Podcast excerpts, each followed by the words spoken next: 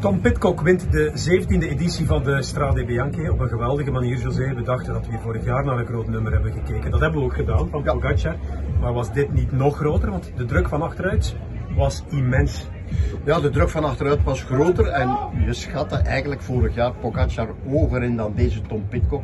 En wat Tom Pitcock gedaan heeft, is eigenlijk iets dat bijna altijd mislukt. Ja, En er is zoveel bij aan vooraf gegaan dat het eigenlijk ja, nog, nog indrukwekkender is dan eh, vorig jaar. ja. En zei het zelf ook, hè. op een bepaald moment dacht ik, ik heb het verbrod, ik heb het verkloot. Ze zijn daar minder dan 10 seconden, ze gaan me pakken. Maar dan blijft hij gaan. Ja, dan blijft die gaan en dan gebeurt achteraan waarop je hoopt dat het gaat gebeuren voor hem, voor hij te winnen dan. Dat is die, die niet-cohesie. De ene gaat een beetje, de andere gaat een beetje. Het, het een beetje voorsprong nemen terug. En dan voor mij toch wel, na de overwinning van Pitcock, het, het verhaal eh Valter benoot. Wat ik nog altijd niet, niet goed begrijp. Nee, eh, er werd de voorbije weken gezegd, ja, wij zijn zo goed in ploeg omdat we een vriendengroep zijn en dat we elkaar altijd weten te vinden waar het moet en dat iedereen zijn plek kent ook.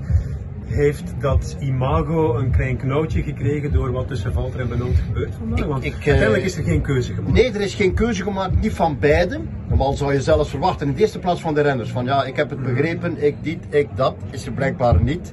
Valt er een jonge kerel, komt in die ploeg met ambitie, blijkbaar op een of andere manier. En vanuit de volgwagen is toch blijkbaar geen consignes of geen, geen, ja, geen Ja. lijnen getrokken. Want je zou toch denken, met de opoffering van een of andere, dat misschien die 9 seconden toch goed kunnen dichtgereden worden. Ja, dat is niet gebeurd. Pitcock wint. Ehm, er zijn wel nog een paar vaststellingen te doen. Mathieu van der Poel was de topfavoriet vandaag, als je iedereen geloofde voor de wedstrijd. Eh, hij heeft die topfavoriete rol nooit kunnen waarmaken. Nee. Eerste wedstrijd, dat is natuurlijk wel een, een factor die, die meespeelt. Aan de andere kant hadden we hem iets sterker verwacht. We hadden hem iets sterker verwacht. We hadden Benoot op deze manier wel verwacht. Hè. Wel eens eh, pech gekend op een bepaald moment. Eh Pitcock was bij de favorieten. Maar heeft hier echt wel meer dan een visitekaartje afgegeven. En in de rest, voor sommigen, Alaphilippe en anderen, is er nog wel wat werk aan de winkel. Ja, ontwijk mijn vraag over Mathieu is niet. Eh, nee, Mathieu hadden we beter verwacht, ja. Ja, absoluut. Oké. Ja. Komt het goed voor de klassiekers? Eh, dat, dat is heel dichtbij. Ja, dat denk ik wel, ja. Ja, pas op, eh, een paar koersen kunnen in één keer leiden. Als je nog tegen Adriatico gaat rijden, dan kan er heel veel, kan heel veel gebeuren onderweg. Was niet goed genoeg? Dit is niet de Mathieu van der Poel die je zou denken. Die moet meedoen onder deze omstandigheden. En dat is niet gebeurd, dus ja. Ja. Heeft Patrick Lefevre een probleem voor de voorjaarswedstrijden?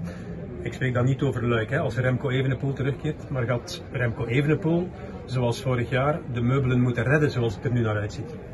Maar ja, we gaan moeten kijken hè, wat, eh wat Lampaard doet, wat Asgreen doet. De mannen die het hem eigenlijk in de komende wedstrijden moeten gaan doen. Eh Alaphilippe, ja, blijkbaar niet goed genoeg. Eh, ondanks hij al eens gewonnen heeft. Ja. Zacht vierkant door het sterrenauto. Ja, inderdaad, vierkant. En dan, en dan zou je denken, ja, dan moet wat Van Aert nog komen, dan moet Pogacar nog komen, dan moet, er moet, moet Mathieu van der Poel ook nog beter worden. Maar ja, kijk, op een of andere manier lukt het voorlopig niet. Nee. 17e editie van de Strade Bianchi, als we die erenlijst van de voorbije vijf jaar bekijken, dat is immens. Die Ja, daar maar- allemaal op staan. Pogacar, Van Aert, Van der Poel. Maar de manier waarop. De wedstrijden, de manier waarop, doe je ogen dicht en die komen allemaal zo tevoorschijn. En dat is met heel weinig wedstrijden. Je, je moet echt al gewoon denken en een eerlijst soms zien van, ja, die hoe is dat nu weer al verlopen? Ah ja, ja, dat is zo verlopen. En hier kan je zo stellen, Mathieu van der Poel wint, die rijdt weg van, van uh, Alaphilippe met die weeltrui aan. Oh ja, toen, ja, dat was fantastisch. Dat zijn allemaal, allemaal, ja, allemaal eikpunten die bijblijven, dus ja, geweldig. Ja. Gaan we geweldig voorjaar tegemoet, als je dit ziet. Ik denk dat er al veel twijfelen in één keer. We moeten op beginnen en er zijn al heel veel twijfels bij heel veel ploegen en renners. Ik weet het, maar er moeten er ook nog bij komen. Pogacar moet nog komen, Van Aert moet nog komen. Ja, ja. Duimen en vingers aflikken. Duimen en vingers, saus hebben we nodig, dat doen de renners. Dus eh, het komt in orde. Straks ook bij een bistecca Fiorentina. Eh, ja, maar toch eerst iets drinken. Negroni. Ja. We gaan voor de Negroni en we zien jullie heel graag de komende weken terug. Eh, morgen weer koers met de grote prijs Champion Monserrat en eh, de start van Parijs-Nice. Maandag begint uh, Terreno Adriatico. Het valt gewoon niet meer stil de komende week. Wil je nog iets zeggen? Vanaf nu gaan we ons beginnen verzorgen. Oké, Spa blauw en spa rood. enkel nog die Negroni. En dan eh, is het eh, geheel onthouding. Dat niet geloven. Zo.